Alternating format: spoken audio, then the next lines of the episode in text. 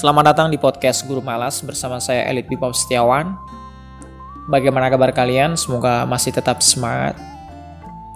Aku, kalau sampai waktuku, ku mau tak seorang kan merayu. Tidak juga kau, tak perlu sedus dan itu. Aku ini binatang jalang dari kumpulannya yang terbuang. Luka dan bisa kubawa berlari, berlari hingga hilang pedih perih dan aku akan lebih tidak peduli.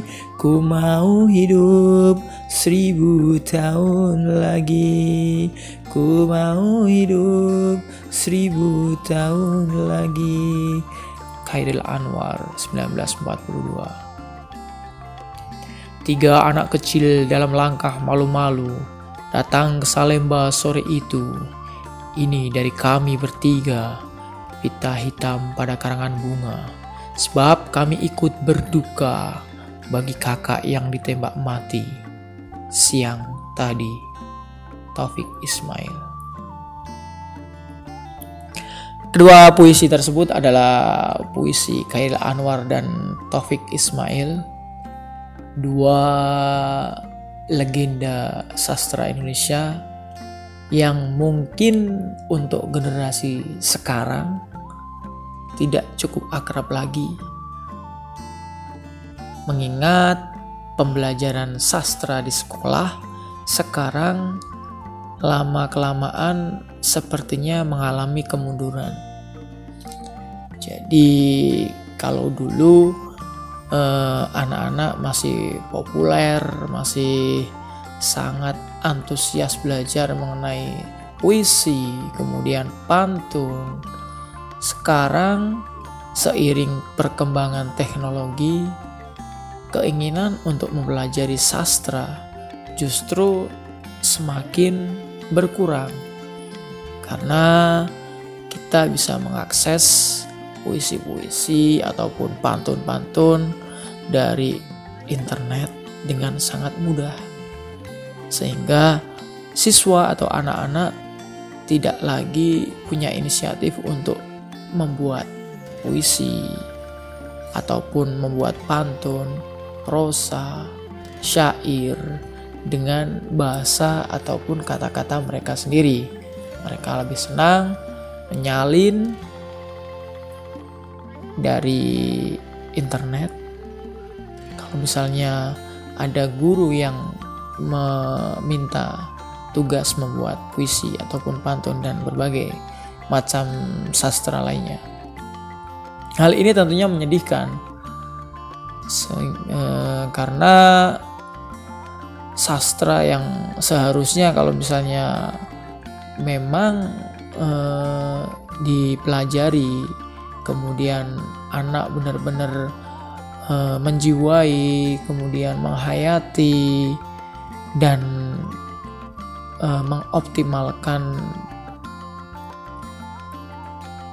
sastra dalam kehidupan sehari-hari tentunya sangat uh, baik.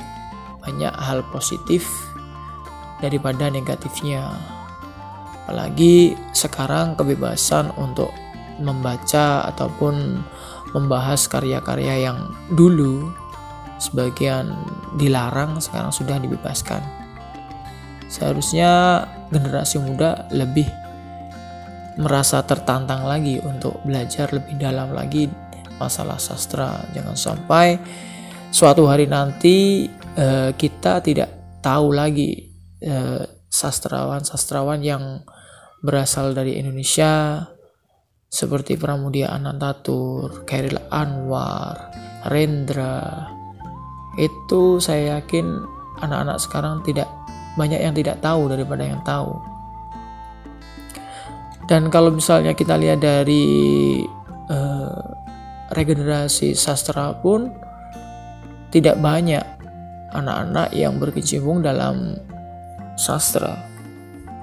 Ini bisa dilihat dari banyaknya eh, buku-buku uh, yang beredar di masyarakat itu sebagian besar belum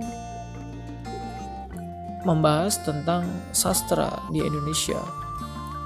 Taruhlah kita ambil contoh eh, Pramudia Anantatur pada zaman itu dia bisa menerbitkan karya mater, masterpiece Bumi Manusia, Tetralogi Bumi Manusia. Waktu belum semudah sekarang.